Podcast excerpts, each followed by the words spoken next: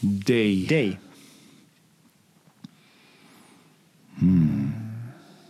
Dood. Doorzettingsvermogen. Eh, duivels. Duivel. Duivel. Duvel. Lekker bier. Duivel. Ja, ook breed. Ja, maar goed, dan, daarom het is Ja, ja, ons om ja, dat ja. te beperken. Precies, maar ik, ik heb het er nu toch al. Ik druk toch nog niet op de bel. ja. Nee, je maar, mag pas boos worden als ik op de... Ik ben er toch nog. nee, maar dat Ik motiveert nog. mij toch niet als jij zegt van ja, wel breed. Dan moet je dan misschien maar een beetje uit jezelf ook... eh, Ja, nee. Maar ik denk dan meteen aan, dat is ook zo'n schitterend eh, cliché van het duiveltje op je schouder. Hè? Dat aan de ene kant een duiveltje zit en aan de andere kant Ja, een engeltje. Mhm. Heb jij, herken je dat Tuurlijk. beeld bij jezelf ook? Ja? Tuurlijk. En, hoe en hoe meer duveltjes ik drink. daarom heet dat denk ik ook. Daarom heet die drank ook een duvel natuurlijk. Omdat, nou ja, de, de- die- Maak je dan de duivel sterker? als je, ja, nou, weet ik niet. Ik bij, heb dat niet. bij mij wel. Ja? Mm. Ja. En hoe uitzicht dat dan? Nou, dan ben ik eerder geneigd om dingen te doen die, die eh, niet, niet zo slim zijn. Eh, om te beginnen qua gezondheid al niet. Ja. Sowieso eh, ga ik dan meer duveltjes drinken. Eh, ja, je, je gaat vanzelf... Niet hele duivels. nee, maar ik bedoel, eh, het is, eh, ik ga natuurlijk niet alles vertellen, maar je gaat wel een beetje het pad op van de, de, de dark side. Toch wel. Ik heb als, ik heb als kind veel, eh, en nog lees ik het wel, maar als kind heel veel van die superhelden boekjes gelezen.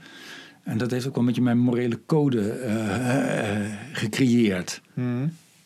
En ergens wil ik wel toch graag een good guy zijn. Ja, maar de, de, Maar ja, nobody is a villain in his own mind. Nee, hè? precies. En, en daarbij is, vind ik het mooie van als je het dan hebt over de duivel en satanisme bijvoorbeeld.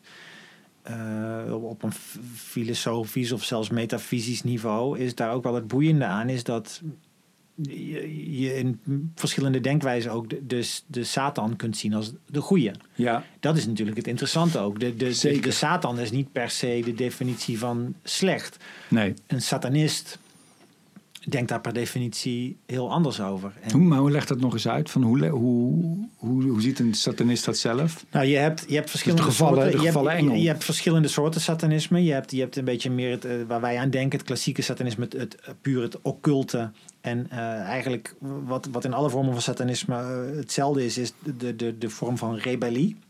En je Ja. dus niet neerleggen zomaar bij dogmatisch gezag. Ja, de gevestigde orde. Precies. Eh, in alle vormen van satanisme, wat daarbij hoort, is ook het omarmen van je eigen be- beest zijn. Ja, Eh, vandaar ook vaak ceremonies met, met seks of met bloed. En dat je dus niet je, je, je, je, zoals in het christendom vaak gebeurt, je voordoet als iets puriteins. eh, waarvan de, iemand waarvan de poep niet stinkt, bij Mm. wijze van spreken. ja. Ehm, schaduwwerk, dus ook kijken naar de donkere kanten die je hebt. En ook accepteren dat die onderdeel van jou zijn. En dan vervolgens de beslissing maken wat je daarmee doet. Maar niet doen alsof die, alsof die shit niet in je zit. Jaloezie, afgunst, Hmm. al die dingen. Hebzucht, opportunisme. Dat vind ik ook heel goed. Ik vind Ja. Schaduwwerk vind ik, vind ik heel belangrijk.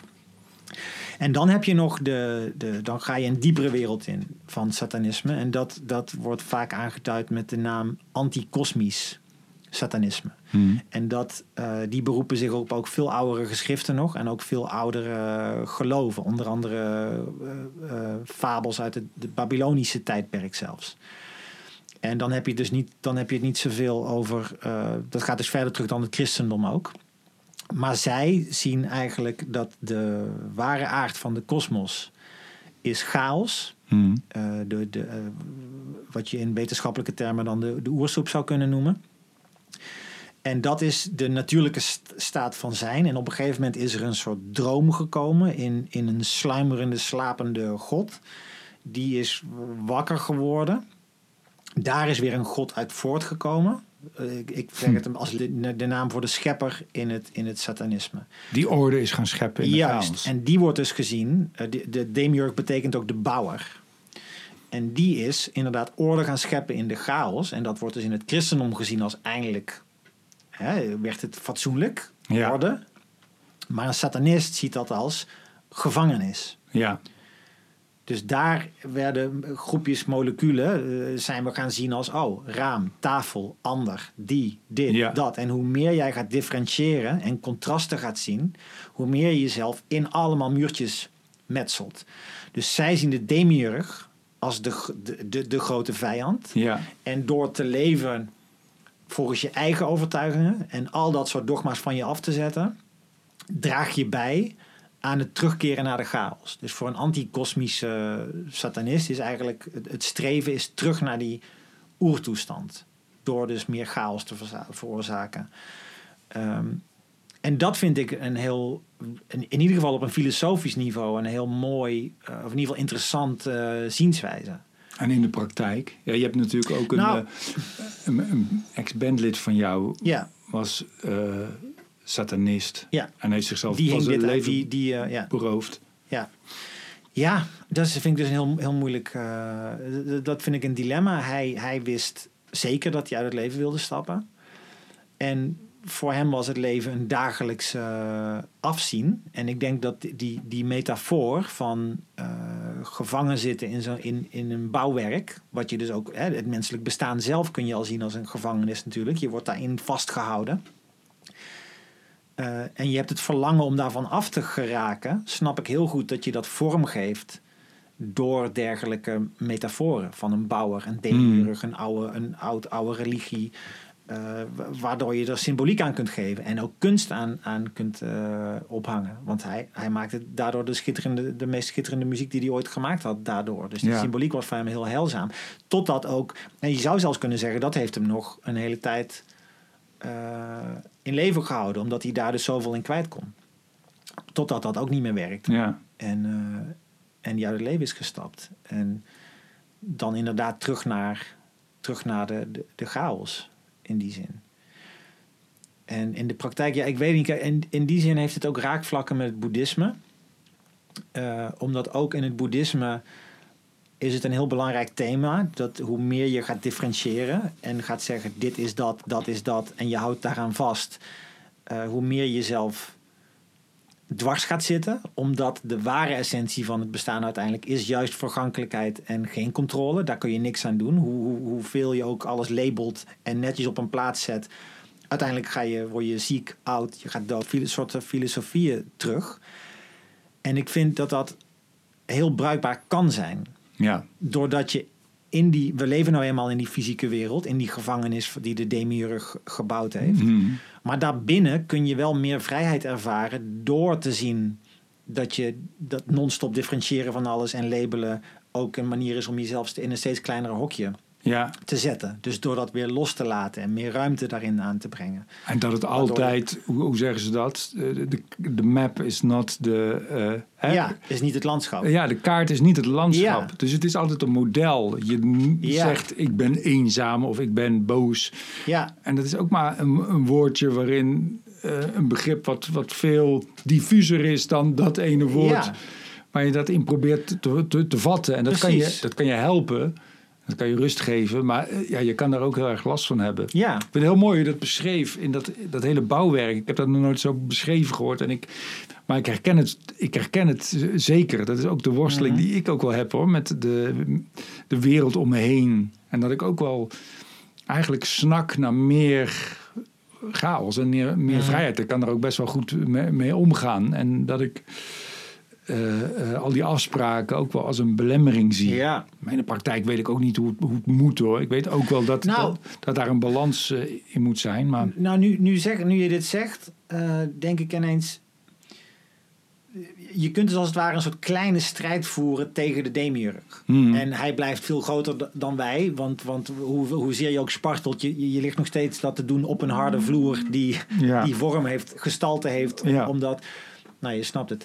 Maar wat jij op het podium doet bijvoorbeeld met die humor, is natuurlijk wel is chaos en, en- in de orde aanbrengen. En dan niet in de zin van alle huizen afbranden en, en alle autoriteit moet weg. Ja. Want iedereen koopt een kaartje en gaat ook op het nummertje letterlijk zitten van de stoel dat op het kaartje staat Ja. om naar jou te kijken. Dus daar zit heel veel orde in.